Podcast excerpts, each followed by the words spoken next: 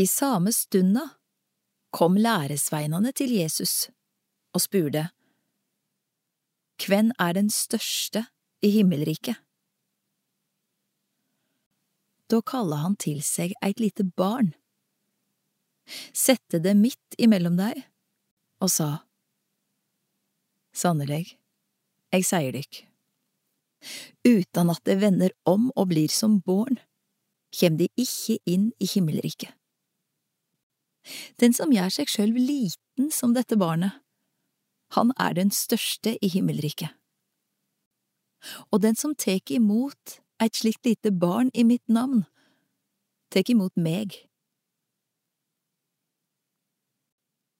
Forføringar og freistingar Men den som lokkar til fall, ein av disse små som trur på meg.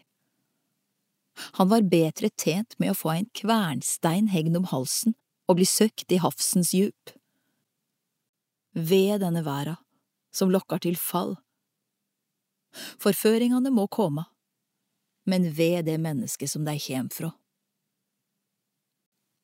Om handa eller foten lokkar deg til fall, så hogg dei av og kast dei fra deg. Det er betre for deg å gå lemlesta eller halvt inn til livet enn å ha to hender og to føtter og bli kasta i den evige elden. Og om auget lokkar deg til fall, så riv det ut og kast det fra deg. Det er betre for deg å gå einøygd inn til livet enn å ha to auge og bli kasta i helvetes eld. Sauen som gikk seg vill.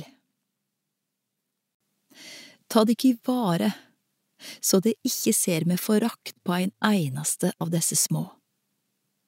For eg sier dykk, dei har sine englar i himmelen, som alltid ser andletet til min himmelske Far. For menneskesonen er kommet for å frelse det som var tapt.